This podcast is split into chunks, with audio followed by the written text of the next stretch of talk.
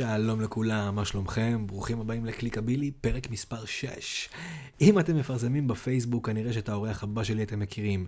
הוא ממייסדי קהילת מקצועני פרסום בפייסבוק, הוא מרצה מבוקש, מנהל דיגיטל, יועץ, וללא ספק אחד מה Facebook marketers, ובכלל, אחד מאנשי השיווק הדיגיטלי הכי טובים בארץ. קבלו את יאן ינקו. יאן, מה שלומך? בסדר גמור, תודה רבה. תודה על האירוח. בשמחה, כיף, כיף שאתה כאן. אה, ובוא ניכנס לעניינים, אתה יודע, אה, אתה אחת הדמויות הבאמת אה, יותר מוכרות בתחום. כולם יודעים שאתה סופר מקצוען, אבל אני לא חושב שבאמת מכירים את יאן. כאילו, בוא תספר קצת, מי זה יאן? איך, איך הגעת בכלל לתחום הזה? איך הגעתי? וואו, זה ההתגלגלות הכי, הכי לא צפויה. אחרי הצבא, כשהשתחררתי אחרי הצבא, התחלתי לעבוד בכלל בפולנבר, עבדתי שם. שלוש שנים, משהו כזה. אה, זה היה דווקא טוב, למרות שזה לא קשור, אבל זה לימד אותי הרבה על שירות לקוחות ועל מכירות וכל העסק הזה. מה גם שזו הייתה חברה, ועדיין, מאוד לא ישראלית במהות שלה, mm-hmm. בנורמות שלה, בהתנהגות שלה, בהכל. אה, ואחרי זה חיפשתי ככה את הכיוון שלי, והייתה מודעה לקורס ביחסי ציבור בבית ספר שאז בזמנו, שנקרא אבודי קריאייטיב. אוקיי. Okay. הוא כבר לא קיים, אבל אה, למי שזוכר את ותיקי הפרסום, פעם היו שלטי חוצות עם, של אבודי, עם העין, היה לו לוגו של העין.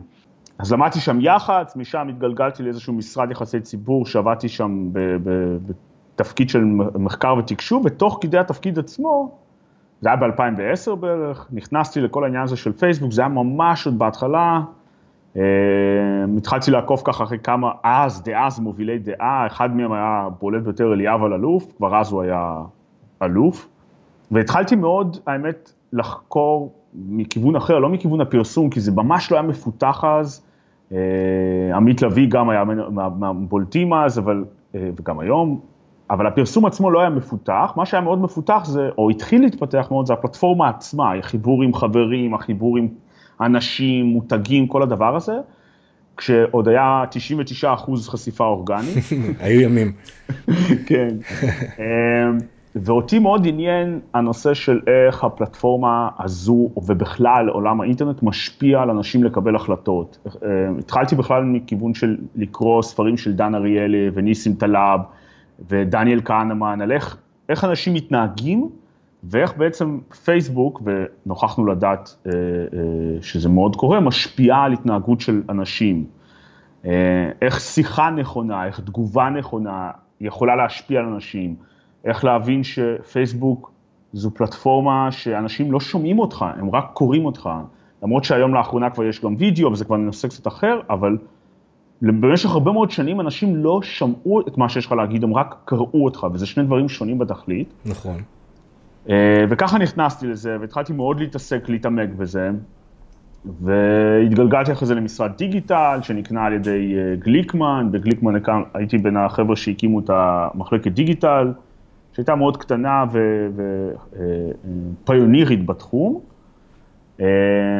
וזהו, משם ככה המשכתי לגדול, להתפתח, עבדתי בסטארט-אפ, עבדתי, התחלתי להרצות ב-2011 על פרסום בפייסבוק. אמ, אני זוכר שהשיעור הראשון היה בערך חצי שעה, 45 דקות, והיום זה כאילו יכול לקחת גם שישה שיעורים של ארבע שעות, אמ, וגם זה לא מספיק. ואז ב- לפני, ב-2014, אם אני לא טועה, או 2013, התקבלתי למובלין, שזו חברת דיגיטל מובייל, והתחלתי מאוד מאוד להתמקצע בכל נושא הפרסום במובייל, בעיקר בפייסבוק, אבל לא רק, פייסבוק פשוט תפסה את הנתח הכי גדול בזה. אוקיי. Okay. ואפשר להגיד שב... בשמונה שנים האחרונות גדלתי עם הפלטפורמה הזו. בשנתיים האחרונות כבר התחלתי גם להתפתח להרבה דברים אחרים, לא רק פייסבוק, אבל פייסבוק תמיד היה המרכז, נאמר זאת ככה, בגלל איפה שהם נמצאים, בגלל איפה שהפלטפורמה הזאת נמצאת, וככה בעצם התגלגלתי לזה. טירוף. כן. היום אתה נוגע אז בעוד תחומים, כאילו, אתה יודע, טאבולה, אאוטבריין? כן, לפני, בערך, קודם כל גם במובלין כבר התעסקתי לא רק בפייסבוק, באמת באדוורדס ולינקדאין ואנליטיקס על כל גווניהם וסוגיהם, משפכים, איבנטים, אפליקציות, כל מה שאפשר להתעסק בו בעולם הדיגיטל, לא, לא בהכרח כי היה צורך, אלא גם כי זה מאוד עניין אותי. Mm-hmm. וגם כי הבנו כבר מאוד מהר שלאנשים יש הרבה מאוד מקורות נקרא לזה להיות בהם, זה לא רק פייסבוק או גוגל, וזה לאט לאט היה סנאפצ'אט, וזה כמובן גם אתרים, וכמו שאמרת, Outbrain וטאבולה, לעשות כל העסק הזה, ולפני, ביולי 2017, עזבתי והצטרפתי לסטארט-אפ בתור מנהל דיגיטל, ובסטארט-אפ כמו בסטארט-אפ אתה בדרך כלל עושה הכל. אוקיי. Okay. בתחום שבו אתה מתעסק, והיום באמת אני נוגע בתהליכים ש... ואגב, תחום אחר לגמרי, B2B, כבד מאוד, אה, שמוכר לאנשי IT ב enterprises בארה"ב, אבל אני מיישם את מה שלמדתי ב-B2C ל-B2B, אה, וגם כאן יוצא לי לגעת בדברים שהם באמת, גם בהיקפים וגם בסוג העבודה שלא יצא לי לפני זה, הרבה אוטומציה, שזה גם כבר נכנס לתוך פייסבוק, אה, מערכות כמו סיילספורס והאפספורט, דברים כאלה שבשוק הישראלי כמעט ולא, או הרבה לא שומעים עליהם, או שומעים עליהם ממש בקטנה. נכון. וזה לצד כל שאר הדברים, פשוט יוצא לי באמת להתעסק כמעט בכל דבר שהוא בתחום השיווק הדיגיטלי, נקרא לזה ככה.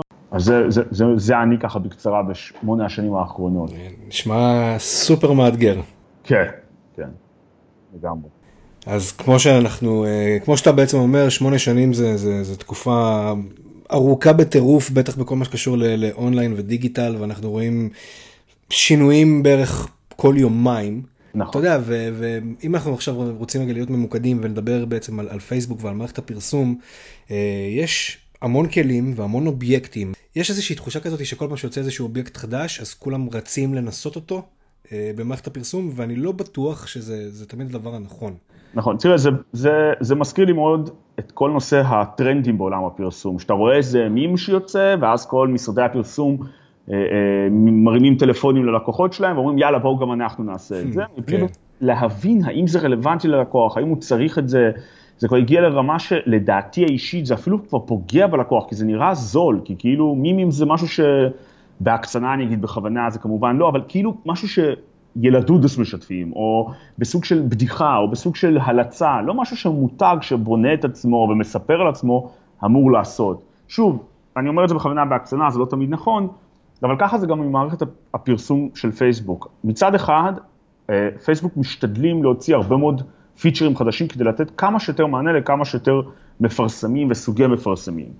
מצד שני, כל פעם שיוצא איזה פיצ'ר חדש, יש הרגשה שהלקוחות עצמם, בין אם זה בעידוד משרד הדיגיטל והפרסום שלהם, או בין אם בעצמם כי הם שמעו את זה איפשהו, אומרים יאללה, אני חייב להיות שם, אני חייב להתנסות בזה, אני חייב להיות הראשון. למה? כן. ככה. אה, ואני יכול להגיד לך שבתור אחד שעבד עם לקוחות, דווקא אני עבדתי עם לקוחות שלא מיהרו לעשות את זה, ומאוד אהבתי את האיפוק שלהם. זאת אומרת, היה לי לקוח מאוד גדול שאמר, תקשיב, אני לא ממהר לעשות שום דבר שפייסבוק מוציאים, אנחנו נבדוק איך זה מגיב, איך זה עובד, האם זה נכון לנו בתוך המארג הפרסומי שלנו, ורק אז נראה אם אנחנו מכניסים את זה או לא. אבל לצערי, לצערי, או לא יודע איך לתאר את זה, הרבה מאוד לא עושים את זה, הם פשוט רואים משהו חדש והם בטוחים שאם ישתמשו בזה, זהו, הם כאילו על הגל, אבל זה לא נכון, כי בסוף זה הרבה פעמים פיצ'רים טכנולוגיים שלא קשורים בכך לאסטרטגיה של אותו לקוח, של אותו מותג, והשימוש בהם לא מועיל. בטח לא אם הוא, שוב, אם הוא לא בא כחלק מאיזושהי אסטרטגיה. אתה יכול, אתה יכול למקד, כאילו, לתת איזה דוגמה למשהו כזה? כן, אני יכול, הדוג, אני חושב שהדוגמה הכי טובה לזה, יש מלא דוגמאות, אבל אחת הדוגמאות הכי מובהקות היה של הקרוסלה כשהיא בזמנו יצאה. Mm-hmm. זה כבר נחשב לכלי ותיק, אבל רק כשהוא יצא, אני זוכר את זה כל כך טוב, כל כך הרבה מותגים השתמשו בזה, ואני כאילו ראיתי מודעות ואמרתי, למה? למה אתם משתמשים בזה? אין שום צורך שתשתמשו בזה, זה כאילו השתמשו בזה. עכשיו, תראה, גם יכול להיות ש... אה, אה, הרבה פעמים משרדי דיגיטל השתמשו בזה, כי בוא נודה על האמת, זה מוריד מחירי הקלקות, ואפשר להראות ללקוח, תראה כמה הקלקות הבאנו לך עם הכלי החדש והפנטסטי הזה, והרבה לקוחות לא כל כך יודעים או ידעו לשאול שאלות מעבר להקלקות, אז זה היה נראה להם בסדר, והגיוני וטוב. אבל בשורה התחתונה זה לא באמת היה מועיל, אה, וגם זה לא היה נראה טוב, וזה שוב, זו רק דוגמה אחת, אבל כמובן, כמעט תמיד יש איזשהו כלי חדש שיוצא, ה stories של פייסבוק, אה, של אינסטגרם, סליחה. אז החשיפה שם זולה, אני רואה מותגים מפרסמים שם שלא קשורים בעליל, אני כבר לא מדבר על הקהל שנמצא שם, הם אפילו לא מתאימים את המסר למקום שבו זה מופיע. וזה עצוב, כי כאילו זה נשמע, נראה כאילו מנסים לקצור חשיפה זולה שלא באמת מועילה להם לשום דבר. זה, זה באמת בעיה ש, שאנחנו רואים, אפשר לראות אותה בכל פלטפורמה, זאת אומרת העיקר להיות שם, לא תמיד אה, להתאים את המסר וזה לגמרי חוטא למטרה. נכון. אה, אין ספק.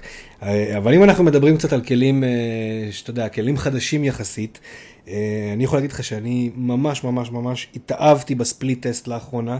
נכון. הוא מספק לי תוצאות באמת באמת מדהימות. ואני יודע שיש הרבה חבר'ה שעכשיו כאילו יקשיבו לנו ולא בטוח שהם ידעו איך להשתמש. בכלי הזה, אז, אז הנה המאסטר, בוא, בוא תסביר קצת איך אתה מנצל את ה split test לתועלות שלך ועושה את זה בצורה הכי נכונה בעצם, מה, מה התהליך? אז בואו נתחיל ככה, קודם כל גם יש לי מדריך במר, ב, באתר שלי שמסביר איך להשתמש בכלי, אה, אבל צריך להבין שעד לפני בערך חצי שנה, משהו כזה, לא באמת היה לא הייתה אופציה לעשות A-B testing אמיתי בפייסבוק. נכון. זאת, זה היה ולא היה, אבל זה לא היה משהו שהוגדר על ידי פייסבוק. כן היית יכול, אם היית מכיר את הפלטפורמה מספיק טוב, אה, לבצע בדיקות A-B testing של קהלים, אבל זה דרש ממך הרבה מאוד, בטח אם, אם, אם, אם פרסמת לקהלים מאוד גדולים, הרבה מאוד הכנה מראש, אני זוכר את עצמי יושב עם אקסלים, עם ריבועים, רגע, אם אני פונה לקהל הזה, אז אני עושה exclude לקהל הזה והזה, ואם אני פונה לזה, אז לעשות exclude לזה ולזה ולזה. ואני ממש זוכר איך עבדתי ככה עם אקסלים, כדי לוודא שאני באמת עושה אי חפיפה בין קהלים, ולוודא שכל קהל מקבל את מה שהוא אמור לקבל. Uh, במודעות בכלל לא היה A-B testing, זה לא היה קיים, כל מי שחשב שכשהוא מעלה שתי מודעות או יותר ל ad set אחד או לקבוצת מודעות אחת, פייסבוק עשו A-B testing, זה לא נכון. כי המהות של A-B testing, שמתוך הקהל שבחרת, X, נגיד 50 אחוז, יראו מודעה אחת, ו-Y, ה-50 אחוז נותרים, יראו מודעה אחרת. זה A-B testing אמיתי. ובצורה הישנה זה לא היה נעשה, כי היה יכול להיות מצב שבו בן אדם אחד ראה את שתי המודעות, והיה לוחץ על אחת מהן, ואתה לא יודע על, כאילו, בעקבות מה הוא לחץ, ובקיצור זה לא באמת עבד. כן. ואז לפני בערך חצי שנה, פייסבוק התחילו להשיק את הכלי הזה, שבעצם הכלי הזה בא ואומר, תקשיבו, יש לכם ארבעה משתנים שאנחנו נותנים לכם אופציה לעשות עליהם A-B testing. ארבעת המשתנים זה מסר, קריאייטיב, זה הקהל, זה מיקום המודעות, למשל מה יעבוד לי יותר טוב, newsfeed mobile או פיד באינסטגרם. והדבר הרביעי זה סוגי אופטימיזציה, זה כבר אני, מה שנקרא, גם המיקומים וגם הסוגי אופטימיזציה זה קצת יותר למרחיקי לכת. אה, אבל ה-AB testing למסר ולקהל זה בעצם הבוננזה, זה הדבר החשוב באמת שיצא.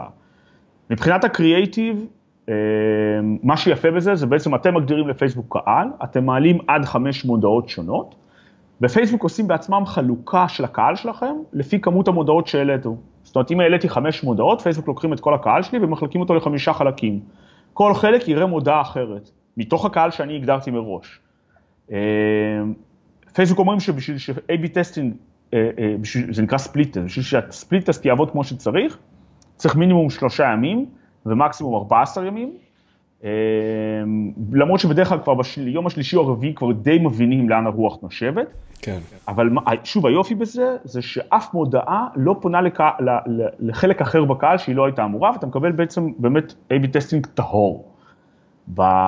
בחלק של הקהל זה אותו עיקרון, אתה לוקח מסר אחד, אה, מגדיר בין שניים לחמישה קהלים, ולא צריך לעשות אקסקלודים, פייסבוק בעצמם מוודאים שלא יהיה exclude בין הקהלים, ובעצם אתה יכול לוודא שבאמת אחרי שלושה ארבעה ימים אתה מבין מי הקהל שמגיב לך הכי טוב למודעה שלך, בצורה הכי אפקטיבית. החיסרון היחיד בדברים האלה זה שנדרש תקציב, אני לא יכול להגיד כמה, כי, כי זה בהתאם לגודל הקהל, כן. אבל כשמריצים A-B testing, צריך שיהיה אה, תקציב מסוים שפייסבוק מבקשים אותו כדי שזה יהיה יעיל, אחרת אין מה באמת להריץ את זה. אה, ואני אתן טיפ קטן, זה שאם אין את התקציב שפייסבוק מבקשים, אז לפחות תעשו A-B testing של קהלים, תעשו את זה ידנית, כמו בשיטה הישנה, כי אז אתם יכולים להחליט בכל סכום שאתם רוצים אה, אה, לפרסם. זה קצת יותר סיזיפי, זה קצת יותר בעייתי מבחינת ההיתכנות והבנייה, אבל כן יש דרכים לעשות את זה. וכאמור זה פתח צוהר באמת כאילו ל, ל, לעבודה הרבה יותר נוחה ונכונה, אה, והיום לפני שאני או מישהו שאני מייעץ לו עולה באיזשהו קמפיין גדול, אני קודם כל אומר לו, לפחות תעשה ספליט טסט על מסרים. תבדוק איזה מסר הולך לעבוד הכי טוב, ועם המסר הזה תעלה בקמפיין גדול. אני לגמרי מסכים איתך, אה, רק בנושא הזה של התקציבים, אה, אני יכול להגיד לך שאני כן ניסיתי עם תקציב שהוא, אתה יודע, לא מה שפייסבוק המליצה, אלא תקציב הרבה הרבה יותר קטן, אה, וגם פה זה, זה עבד לי פיקס. זה, זה אמור לעבוד, זה אמור לעבוד, כי בסוף זה, מאחורה זה די מכניקה פשוטה מה שנקרא, זה כן. פשוט מחלק את הקהלים, הוא לא עושה יותר, הרבה יותר מזה, אבל הם ממליצים אה, איזשהו תקציב מסוים, כי הם אומרים אנחנו צריכים להגיע ל-X קהל כדי שזה באמת יוכיח את עצמו. עכשיו ברור, מאז ומתמיד בישראל אנחנו מדינה קטנה, אה, אה, גם קהלים קטנים יותר ותקציבים קטנים יותר, הרבה פעמים ייתנו אפקט, אז שוב, צריך להתנסות, לראות אם זה מתאים. לגמרי. בוא נלך לעוד איזה פיצ'ר חדש שדי מזעזע את הרשת, מה שנקרא, Marketplace. יצא ממש, אה, הושק ממש לאחרונה, אה, כן. הגיע לכולם כבר אני חושב. אתה יודע, אנשים מנבאים שזה הסוף של אה, פשפשוק ויד שתיים וכדומה. נכון. מה שמעניין אותי זה א', איך משווקים יכולים לתפוס על זה, אתה יודע, לתפוס על זה טרמפ, כן. והאם זה באמת כאילו הולך לחסל את כל, ה, את כל האתרים האלה של, של יד שתיים, כמו שכולם מנבאים. כן, אז, Marketplace, גם על זה כתבתי באתר, אה, הוא, הוא קיים, בתכלס הוא קיים מ-2016, הוא הושק לאט לאט, אה, לפני שהוא היה בישראל, היה אותו כבר ב-51 מדינות אחרות, אה, לפני ההשקה האחרונה שהם עשו, שזה בעיקר למזרח התיכון, הם כבר היו במצב של חצי מיליארד מבקרים ב Marketplace בחודש, זה מטורף, חצי מיליארד מבקרים unique בחודש ב Marketplace. והרבה מאוד העלאות מוצרים, אנשים כאילו ממה שאני קורא בפורומים במרכאות או בקבוצות בחו"ל, אנשים מעלים מוצר ל Marketplace וכאילו תוך שתי דקות זהו מישהו קונה אותו. עכשיו לגבי האיומים ואת מי זה בא לה, להשמיד במרכאות, אז כן כנראה שקודם כל מי שהכי ייפגע מזה זה באמת קבוצות לפייסבוק ייעודיות למוצרי יד שנייה סלאש שכירות.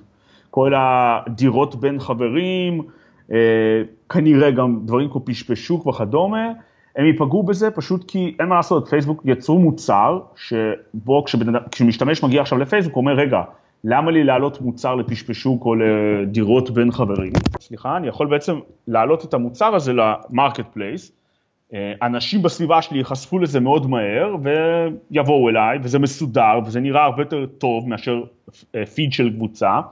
עם אופציות חיפוש וקטגוריות וכן הלאה וכן הלאה. אה, לגבי יד שתיים, גם, שוב, זה סוג של איום עליהם, אה, כמו גם על אתרים כמו למשל קרייגליסט, שמאוד אה, פופולרי בארצות הברית. בעיקר לדעתי, אגב, האיום מגיע מהכיוון של הפונקציונליות. האתרים האלה, יד שתיים וקרייגליסט, הם מאוד לא נוחים לשימוש.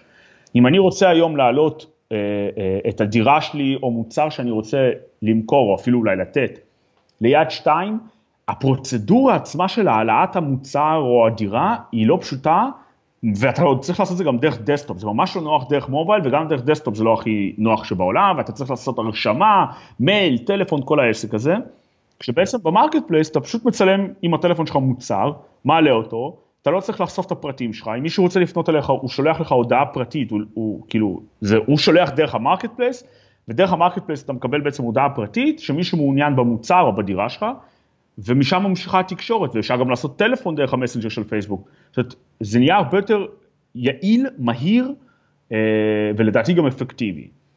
אני כן אציין נקודת חיסרון אחת כרגע, זה שאנשים עוד לא רגילים לזה, לא מכירים את זה מספיק טוב, אה, ומה שאני רואה בינתיים במוצרים שאנשים מעלים לשם, הם גם לא לגמרי מבינים את הקונספט אני רואה המון מוצרים שמישהו רושם בחינם, ואז אתה נכנס לתיאור ובעצם זה לא בחינם, אבל בסדר, זה, זה חבלי לידה שהם הגיוניים.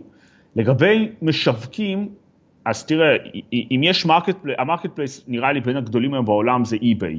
וזה בעצם, אני חושב, די הולך להיות הדוגמה הכי טובה לאן פייסבוק יקחו את זה. זאת אומרת, המטרה של פייסבוק במקרה הזה זה להיות תשתית שמחברת בין בן אדם שרוצה למכור משהו לבין בן אדם שרוצה לקנות משהו. אמ, ולכן גם כאן, כמו באי-ביי, יש לעסקים קטנים, לא רק קטנים אגב, הזדמנות באמת להעלות מוצרים אה, מתוך, ה, אה, מתוך מה שיש להם למכור אה, ולהביא משם traffic. כרגע אין שם אופציות לפרסום, פייסבוק כן בוחנים את זה בארצות הברית בצורה מאוד מאוד קטנה מה שנקרא, אין, אין אופציה לקחת היום מוצר ולקדם אותו ב Marketplace, אבל זה כן נישה, אני אקרא לזה בזהירות חינמית, אני לא אוהב כל כך להשתמש במושג הזה, כי עוד יומיים מישהו יבוא ויגיד פייסבוק, חיסלו לי את החשיפה האורגנית ב Marketplace. לא רחוק היום. אבל כן ההזדמנות קיימת. אני גם יודע שיש חיבור לחנויות, יש עמודי פייסבוק שמחוברים ל Shopify, ואז כל הקטלוג מתוך Shopify אוטומטית מוצג להם בח... בתור חנות בעמוד העסקי, אז יש אופציה מתוך החנות להציג מוצרים ב Marketplace. שזה די מטורף. כן, שזה גם, זה עדיין לא הגיע לישראל, אבל זה יגיע. גם אגב, ה Marketplace עושים שת"פ בארצות הברית עם eBay על משהו שנקרא Daily Deals, דילים יומיים. אה, יש עוד כמה קטגוריות שלא נמצאות עדיין אצלנו, אבל כנראה יגיעו בהמשך. החיסרון היחיד שאני רואה בכל הדבר הזה, אני לא יודע אם לקרוא לזה חיסרון בתכלס, כי בארץ אין אלטרנטיבות אחרות לזה, אבל החיסרון האחר... היחיד בארץ, שזה יתרון מאוד גדול במדינות אחרות, זה עניין הסליקה. זאת אומרת, אה, אני כן די בטוח שבארצות הברית, אם, אם זה כבר לא קיים, יכול להיות שזה כבר קיים, אני לא בטוח לגבי זה, שתהיה אופציה ממש לקנות דרך ה Marketplace, שלא יהיה צורך, רגע, אני אעבור למסנג'ר, בוא נראה איך אני משלם לך, איך נסתדר. פה בארץ, אני לא יודע אם זה ייכנס, איך זה ייכנס, מתי זה ייכנס, אבל לצורך העניין גם ביד שתיים אתה לא באמת יכול לקנות ממישהו, אתה צריך כאילו להעביר לו כסף. אבל אני בטוח שפייסבוק ימצאו לזה פתרון, וברגע שהם ימצאו לזה פתרון, באמת שיד שתיים תהיה כנראה בבעיה, כי ליד שתיים גם אין סליקה בכלל, אז קיצר, יש פה פוטנציאל מאוד גדול, גם, ל, גם לאנשים שפשוט רוצים למכור את המוצר שלהם, אבל גם לבעלי עסקים, בעיקר מאי-קומרס, אה, נדל"ן, שרוצים לשווק את ה... הסחורה שלהם מה שנקרא, הטיפ היחיד שאני יכול לתת, חבר'ה, ת, תראו איך משתמשים בזה נכון, זאת אם צריך לשים מחיר, שימו מחיר, אל תרשמו חינם, ואז בתיאור תכתבו זה עולה מיליון וחצי שקל. ברור. זה לא באמת יעיל. כן. תשמע, יש, יש מצב שה Marketplace כרגע לפחות זה, זה, זאת הזירה, אתה יודע, להיכנס בה כבר עכשיו. זאת אומרת להיות שם לפני שזה הופך להיות אה, המוני ומאוס. אני מדבר מבחינת, אה, מבחינת אתרי מסחר, באמת e-commerce ועסקים שמוכרים מוצרים פיזיים, אתה יודע. לגמרי. זה, לגמרי, זה, זה המקום. הזמן הוא להיכנס לזה עכשיו, לא בהכרח כי זה יביא הצלחה, אלא כדי להבין מה זה אומר, מה זה אומר לעלות לשם מוצרים, איך כל העסק הזה מתבצע. אה, אני בטוח שלאט לאט פייסבוק יפתחו גם אה, אה, אופציות לניהול מלאי וכל מיני דברים כאלה, כאילו וירטואלית, לא שלהם, הם לא יהיו כן. אמזון. אז אתה לגמרי צודק, צריך להיכנס, ללכלך את הידיים, וככל שאנשים יעשו את זה בשלב מוקדם יותר, ככל שהפלטפורמה תתקדם, הם יתקדמו יחד איתה, ולא פתאום ייכנסו כשהיא כבר לגמרי בשלה ולא יבינו מי נגד מה. מטורף, זה באמת Game Changer לדעתי, כל הנושא הזה. נכון. אה, עכשיו יאללה, תראה, אתה דיברת על מובלין, שזה התעסקת שם, אה, אתה יודע, בפרסום מובייל, ואני מניח אפליקציות, ואתה יודע, רוב המשווקים שאני מכיר לפחות בארץ, אה, אני מדבר איתך, אתה יודע, על, אה, על every, everyday Joes כאלה, אה, אז הם בעיקר מתעסקים במוצרים, באתרים, בדפי נחיתה, אתה יודע, בדפים עסקיים, דברים כאלה, ופחות באפליקציות. בטח שאני מדבר עכשיו על ASO ודברים כאלה. כן מעניין לשמוע האם יש הבדלים כש, כשמפרסמים אפליקציות, הכל עובד בצורה שונה לגמרי, או שיש קווים משיקים. אני חושב שבסוף זה די אותו דבר, זאת אומרת, גם במובלין התעסקנו בהרבה מאוד אה, אה, אתרים או חברות שהיו להם דפי נחיתה ומצחינות לידים, מכירות, e-commerce, לא בהכרח רק אפליקציות.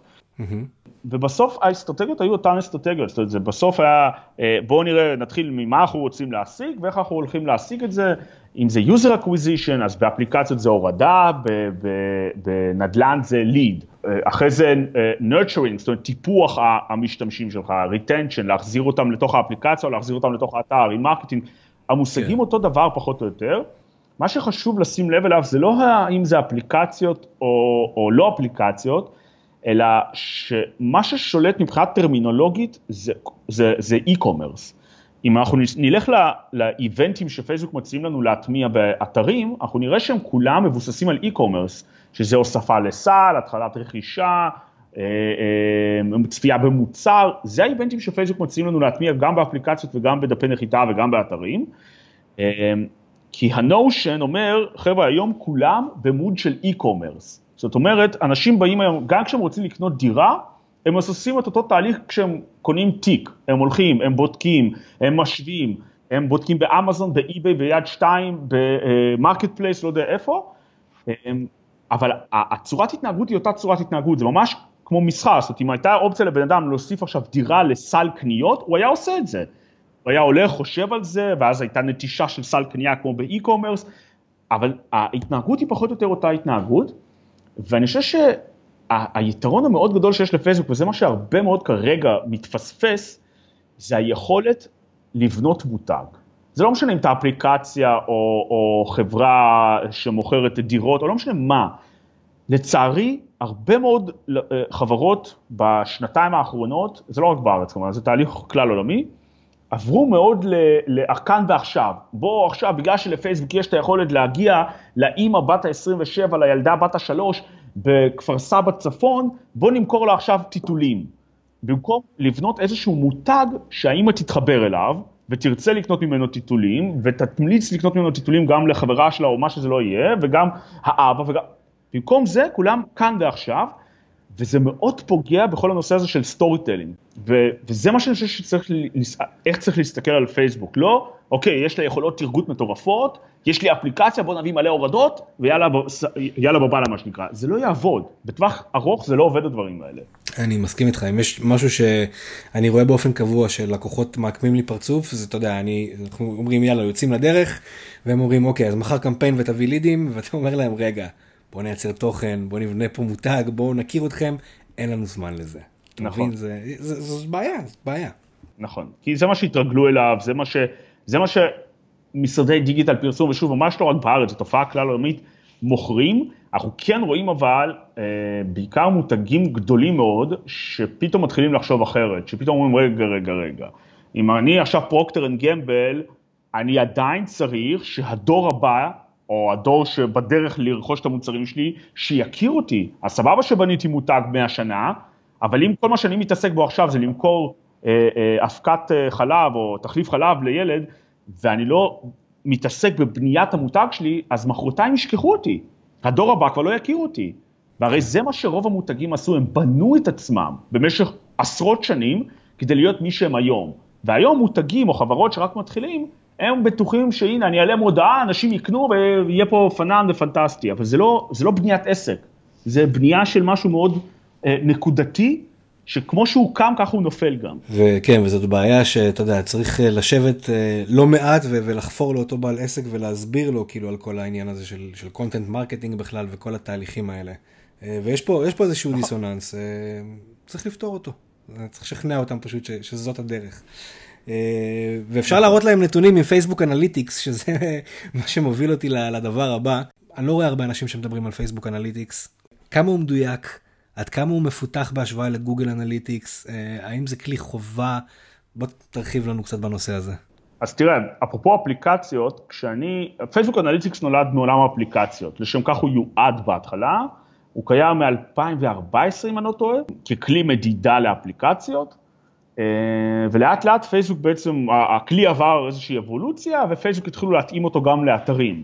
יש לו כמה יתרונות, יש לו כמה חסרונות, אבל בתור אחד שעבד גם עם פייסבוק Analytics, אני מדבר כרגע על עולם האפליקציות, אבל זה פחות או יותר נוגע גם ל web, אז גם עם פייסבוק Analytics, גם עם גוגל Analytics, גם AppsFlyer, שזו מערכת מדידה אה, של מקורות אה, תנועה והשפעה בתוך אפליקציות, גם עם Firebase של גוגל, גם עם Mixpanel וכל מיני כאלה פלטפורמות שונות ומשונות. לכל פלטפורמה יש את הייעוד, היתרון והחסרונות שלה. פייסבוק היום, בסוף הפייסבוק Analytics לאתרים עובד מהרגע שיש לך פיקסל של פייסבוק באתר שלך. אתה לא צריך לעשות שום הקמה מיוחדת, אתה לא צריך לעשות שום אפיון מיוחד, מומלץ כמובן, להטמיע event ים והכל, אבל לרוב אנשים מטמיעים את האיבנטים האלה בלי קשר ל Facebook Analytics. זאת אומרת, אם יש לי באתר lead, uh, אז יהיה לי event uh, שעוקב אחרי כמה אנשים השאירו את ה lead. אז זה לא שאני צריך לעשות משהו ייעודי ל Facebook Analytics, Facebook Analytics ידעו כבר להתייחס ולקרוא את זה. Um, הממשק שלהם מאוד נוח, הוא מאוד מדויק ברמה, בעובדה שפייסבוק עוקבים אחרי בני אדם ולא אחרי cookies, אז המספרים שם הם מאוד מאוד מדויקים, וכשאני אומר מדויקים הם ממש על חודו של בן אדם, זאת אומרת אם פייסבוק אומרים לך, תקשיב, ה-URL הזה והזה הביא לך X אנשים, פייסבוק ממש יכתבו לך 1,937 אנשים, זאת אומרת, זה המספרים שהם מציגים. יתרון מאוד מאוד גדול של פייסבוק זה כל מה שקשור ל cross device, זאת העובדה שבן אדם עובר ממובייל לדסקטופ, בפייסבוק זה לא נעלם, הם יודעים שזה אותו בן אדם, והם יודעים להציג לך ממש את המסע של הבן אדם הזה, מאיפה לאיפה הוא עובר. יתרון מאוד גדול נוסף, זה היכולת לחבר, אה, אני, אני קורא לזה נכסים של פייסבוק לאותו Facebook Analytic. זאת אומרת, במקום אחד אתה יכול לחבר גם את עמוד הפייסבוק שלך, גם את האתר, גם אפליקציה, גם צ'אטבוט, מה עוד שכחתי? אה, ו offline events למי שמשתמש, ולראות ממש במקום אחד איך משתמש מסוים, זה, זה אף פעם לא מסוים, כן? איך משתמשים, בעצם עוברים נגיד מהעמוד שלך לאתר שלך, לאפליקציה שלך, מה הם עושים. אני יכול להגיד לך שעבדתי עם חברה מאוד גדולה בתחום המסחר בארץ, הייתה להם גם אפליקציה וגם אתר, ודרך הפייסבוק אנליטיקס מאוד בקלות יכולנו להראות להם איזה אנשים או כמה אנשים אה, אה, הסתכלו על מוצר באתר, אבל קנו אותו דרך האפליקציה, או להפך. שזה, מטורף. כן, זה מידע ש, שהיה שווה להם זהב, כי הם היו יכולים אשכרה לראות האם יש השפעה של הדברים אחד על השני. אה, אני ממליץ לכל אחד להיכנס לזה, הכניסה היא, היא דרך ממשק המודעות, או דרך facebook.com אלכסון analytics, אה, ולהתחיל להסתכל על נתונים, בין אם זה נתוני העמוד, בין אם זה נתוני הפיקסל, בין אם זה נתונים על כל דבר אחר שיש להם, להתחיל קצת ללמוד את המערכת, היא מאוד ידידותית, מאוד ברורה למשתמש, וזהו, היא גם מאפשרת גם לייצר אחלה סגמנטים ולבדוק סגמנט אל מול סגמנט ואיך הם פועלים אצלך באתר או באפליקציה או מה שזה לא יהיה. קיצר, מערכת טובה, ושוב, זה פייסבוק, אז מחר הם יכולים לש... אתה יודע, לשדרג אותה פלאים, לעשות אותה עוד יותר טובה. כן. אה, אבל כדאי לעקוב אחרי זה. אה, זה, זה מערכת שאני חושב שהיא היא, היא בונוס גדול לכל מי שמתעסק ב, ב, בשיווק בפייסבוק, זאת אומרת היכולת הזאת למדוד ולדעת את הדברים, אתה יודע, מאחורי הקלעים עוד יותר ולא רק לפי הקולומס האלה שיש לנו ב-Ads Manager, זה הרבה יותר עמוק מזה וזה לגמרי משהו ש... שהוא חובה. נכון. אני כן אציין יתרון נוסף שלא ציינתי, זה ש... בדומה ל Google Analytics, אפשר ב Facebook Analytics ליצור סגמנטים של קהל. זאת אומרת, תן לי אנשים שהגיעו מאיזשהו URL מסוים או מאתר מסוים. היתרון של, גו, של פייסבוק בנושא הזה זה שכל סגמנט שאתה מייצר, אתה יכול לייצר ממנו custom audience. מדהים. שזה מטורף, שכאילו אתה לא צריך ללכת ל-custom audience שלך בחשבון מודעות ולהתחיל עכשיו לחשוב איזה קהלים לבנות. כן. אתה הולך ל Facebook Analytics, עושה סגמנטים של קהלים, רואה מי, מי קהל טוב יותר או פחות טוב, יוצר סגמנט ושומר אותו פשוט במערכת המודעות ומתחיל לפרסם להם. ואז אתה יכול גם לעקוב אחריהם ב Analytics, לראות האם הם משנים התנהגות או לא משנים התנהגות וכן הלאה וכן הלאה. מדהים. יאן, בוא נתקדם לנושא שאתה יודע, אה, כולם מדברים עליו, אה, חשיפה אורגנית. אה, כן, מה זה? מה, זה חשיפה אורגנית, כן. כן. בוא, בוא נרגיע את האנשים. בוא נרגיע את האנשים, אין חשיפה אורגנית, זה הדרך הכי טובה להרגיע אנשים. תראה, אני בדצמבר 2013, זה לפני שלוש פלוס שנים, אה, סליחה, ארבע פלוס שנים, כתבתי אה, אה, מאמר שהכותרת שלו הייתה אה, לשלם על חשיפה בפייסבוק, סימן שאלה, סימן קריאה.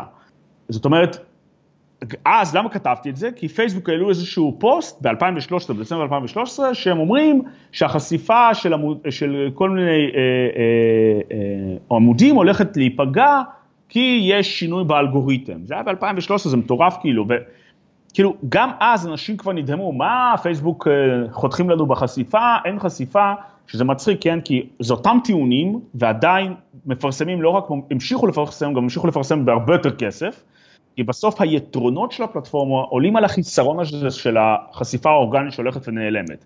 אבל זה היה אז, וזה לא השתנה הרבה מבחינת ה... מה אנשים, איך האנשים מגיבים לזה. אבל אם נחזור רגע לימינו אנו, תראו, בסוף הפלטפורמה עמוסה, מאוד מאוד מאוד עמוסה. והחשש של פייסבוק היה זה שאם זה ימשיך ככה, ומה זה חשש? זה גם מאומת ברמת נתונים. היות וזה ככה, אנשים מתחילים לאבד קצת את ה... מה, מה יוצא לי מהפלטפורמה הזו? אגב, זה לא סתם שהם השיקו את ה Marketplace, או משקיעים עוד דברים כאלה שכאילו משלימים לבן אדם את מה שהוא צריך ביום יום שלו בתוך מקום אחד. אנשים שואלים את עצמם, מה יוצא לי מזה? עם כל מה שאני רואה, וזה פייסבוק חוטפת על זה על ימין ועל שמאל, זה הרבה מאוד פייק ניוז, אז למה לי לחזור? עכשיו, כדי לטפל בפייק ניוז, הרי זה לא פייסבוק שאשמה בפייק ניוז, מי שאשם זה מי שמעלה את הפייק ניוז. אמ, אז פייסבוק אמרו, רגע, בוא, איך נטפל בזה? בוא נפגע בחשיפה האורגנית של הפייק ניוז, למה? כי זה פוגע במשתמשים שלנו. וזה מה שפייסבוק עושה עם החשיפה האורגנית, היא משתדלת מאוד אגב, שמה שכן ייחשף אליך יהיה מאוד רלוונטי אליך.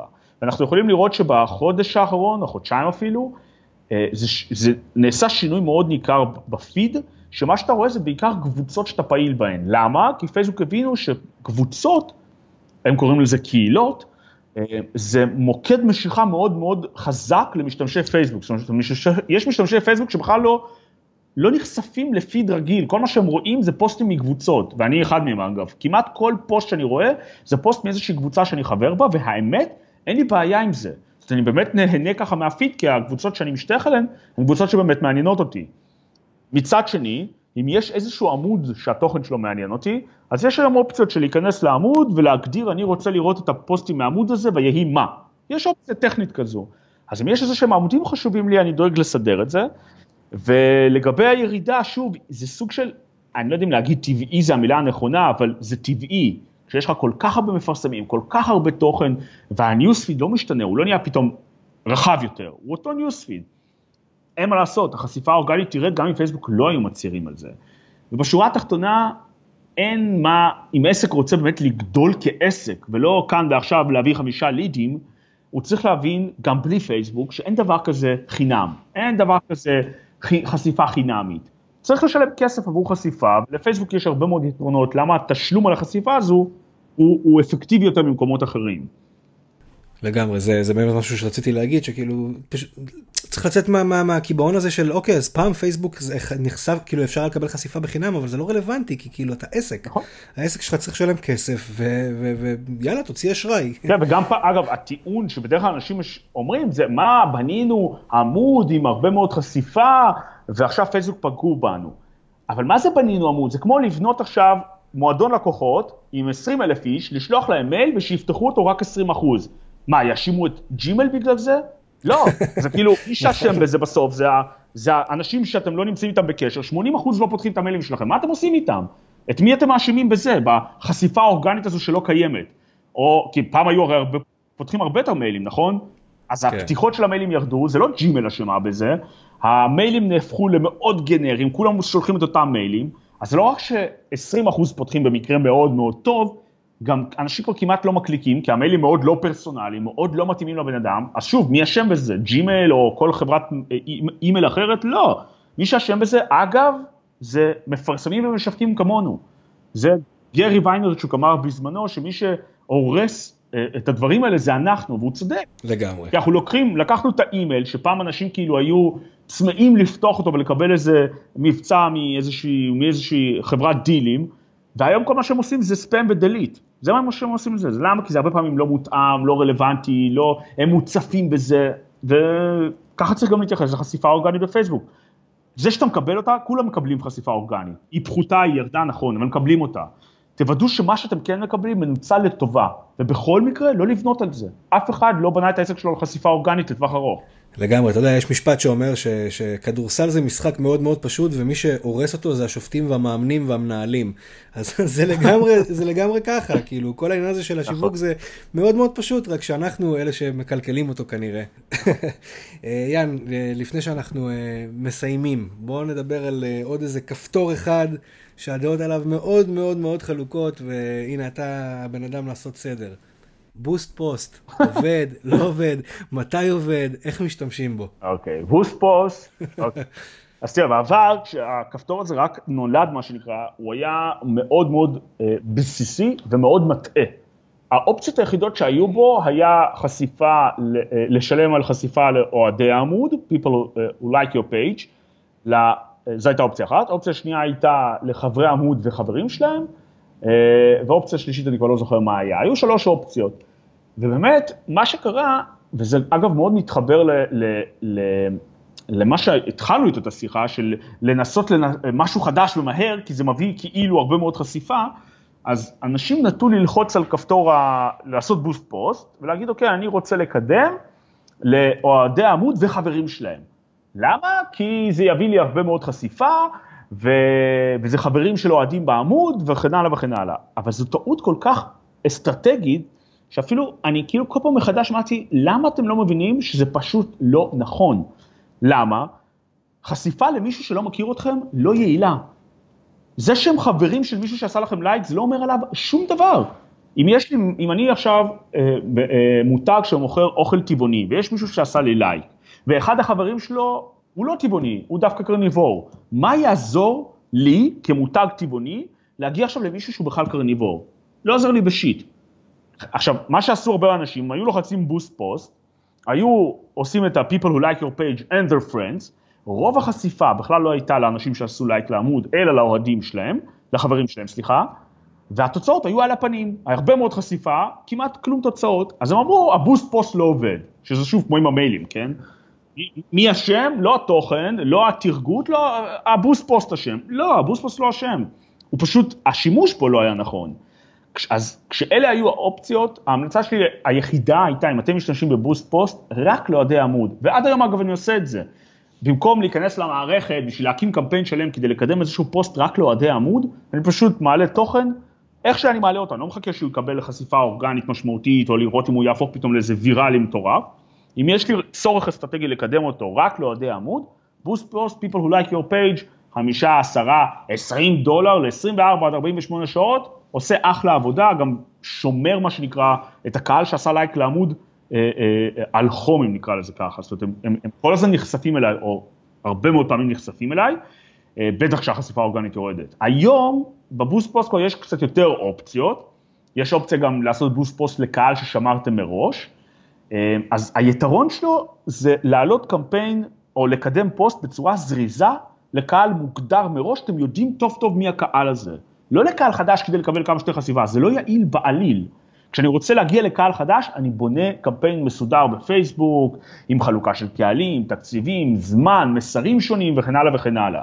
ה boost post נועד לקידומים, לדעתי לפחות, קטנים, נקודתיים, זריזים, במקום פשוט להיכנס למערכת ולהתחיל אה, אה, להקים קמפיין שלם בשביל זה. אז אה, הנה זה משהו שאני מקווה שאנשים אה, ייקחו אותו בחשבון. אגב, אגב מאוד חשוב, כשעושים boost post, זה פייסבוק, אני לפעמים לא אוהב את הטריקים האלה שלהם, צריך לשים לב שפייסבוק מסמנים כברירת מחדל גם פרסום באינסטגרם.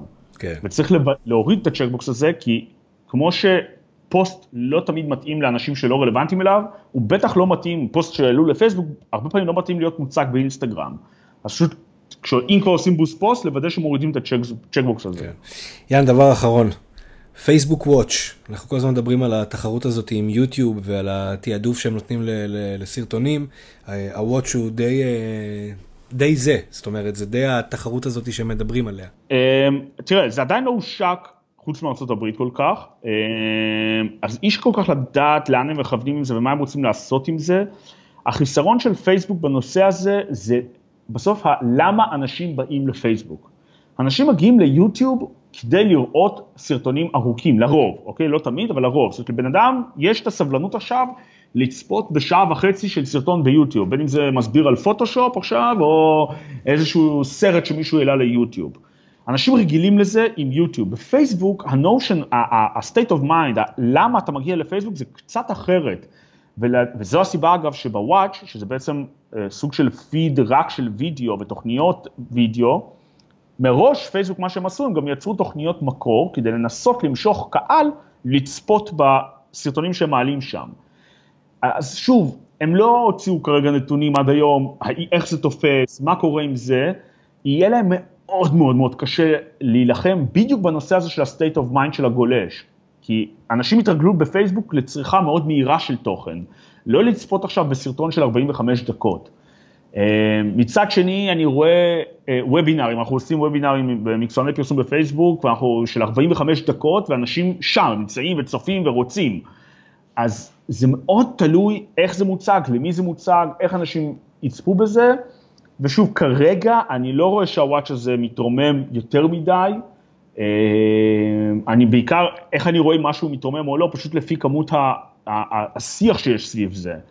אה, בין אם זה במדיה, אה, בעיתונות, בתקשורת, ובין אם זה בקבוצות למיניהן, אני לא רואה שזה כרגע, יש שם איזושהי תפיסה מטורפת שהם עלו פה על איזה גל, ושוב, יהיה להם מאוד מאוד קשה להביס את יוטיוב, מה שנקרא, במגרש הביתי שלהם ספציפית בנושא הזה. כן, אני, אני באופן אישי חושב שהתחרות הזאת היא לא באמת תחרות. זאת אומרת, אני לא חושב שפייסבוק מנסים באמת לחסל את יוטיוב. אה, כן, לפתח לעצמם אפיקים משלהם. זאת אומרת, גם בכל הסמארט TVs עכשיו, שכאילו כבר יצא לי לקרוא לא מעט על זה שכל התכני מקור של פייסבוק אפשר יהיה לראות אותם בטלוויזיות חכמות, ואתה יודע, וממש אה, להיכנס אה, לנישה הזאת, לא יודע אם להגיד נטפליקס זה יהיה קצת יומרני, אבל הם כן רוצים להתחיל להיות יצרני תוכן בעצמם. השילוב, נכון, תראה, השילוב יחד פשוט כן. עם, ה, אתה יודע, עם אותם uh, עסקים או מותגים או whatever שגם כן יפעלו בזירה הזאת, יכול להיות מעניין. נכון, תראה, הזכרת נטפליקס, לא, בדיוק היום מסתובב איזשהו גרף כזה שמציג כמה נטפליקס משקיעה בתוכן. וכאילו היא משקיעה סכומים אסטרונומיים, באמת, יחסית גם לחברות כבלים אחרות. זאת אומרת, אם פייסבוק לא תהיה שם, היא לא באמת תוכל להתחרות בעולם הזה, היא כאילו, אין, אין לה סיכוי, כי כבר הגדולים משקיעים כל כך הרבה, נטפליקס בכלל נמצאת איפשהו בפלנטה משלה, כמו אמזון בעולם שלה אגב, אה, אה, וכמו, לא יודע, כמו ספייסקס וטסלה, זאת אומרת, יש את היחידי סגולה האלה שאף אחד לא מצליח להתקרב אליהם, שאגב, כמו פייסבוק בייעוד שלה כרשת חברתית, אף אחד לא מצליח להתקרב אליה כרגע. זאת אומרת, אם פייסבוק תרצה להיות שם, זה לא מספיק לפתח חמש-שש סדרות או סרטי מקור, זה צריך להיות משהו מטורף. ברור. ושוב, כרגע אני לא רואה שזה קורה אצלם. יצטרכו אה, לפתח את משחקי הכס הבא, כנראה. ממש כזה, כן. אמזון אה, עכשיו רכשו את הזכויות של כל שר הטבעות בשביל להיכנס לנישה הזאת עם אמזון פריים. תראה, אני, אני, אני זוכר בדיוק לפני כמה ימים התפרסמה איזושהי כתבה שפייסבוק קנו סדרה שדקת הפקה של הסדרה הזו, דקה אחת עולה בין 30 ל-40 אלף דולר. עכשיו להגיד לך, שוב, על זו אחת, אוקיי? הם יצטרכו מאות כאלה כדי להתחרות במישהו כמו, במישהו כמו נטפליקס או הולו למשל, שאגב אין לנו בארץ, אבל בארה"ב היא מאוד פופולרית. יהיה מעניין, זה, זה בטוח. יאן, רציתי להגיד לך תודה רבה על הזמן שהקדשת לי ולמאזינים. אה, היה מעשיר מאוד, אה, מפוצץ בערך, אה, וזהו, ואני מאמין שכל מי שהקשיב לנו, יש לו מה לקחת מה, מהפרק הזה. אז שוב, תודה רבה. תודה לך. זה היה הפרק עם יאן יאנקו, אולי הפייסבוק marketer מספר אחד בארץ. אמ, זהו, אה, מוזמנים אה, לעשות subscribe אה, לערוץ ביוטיוב, לעקוב אחרי באינסטגרם, יואל דורון מדיה דיגיטלית, גם בפייסבוק, לעקוב אחרי עמוד לעוד מדריכים, סרטוני וידאו, עוד פרקים של הפודקאסט כמובן. וזהו, עד לפעם הבאה, ביי.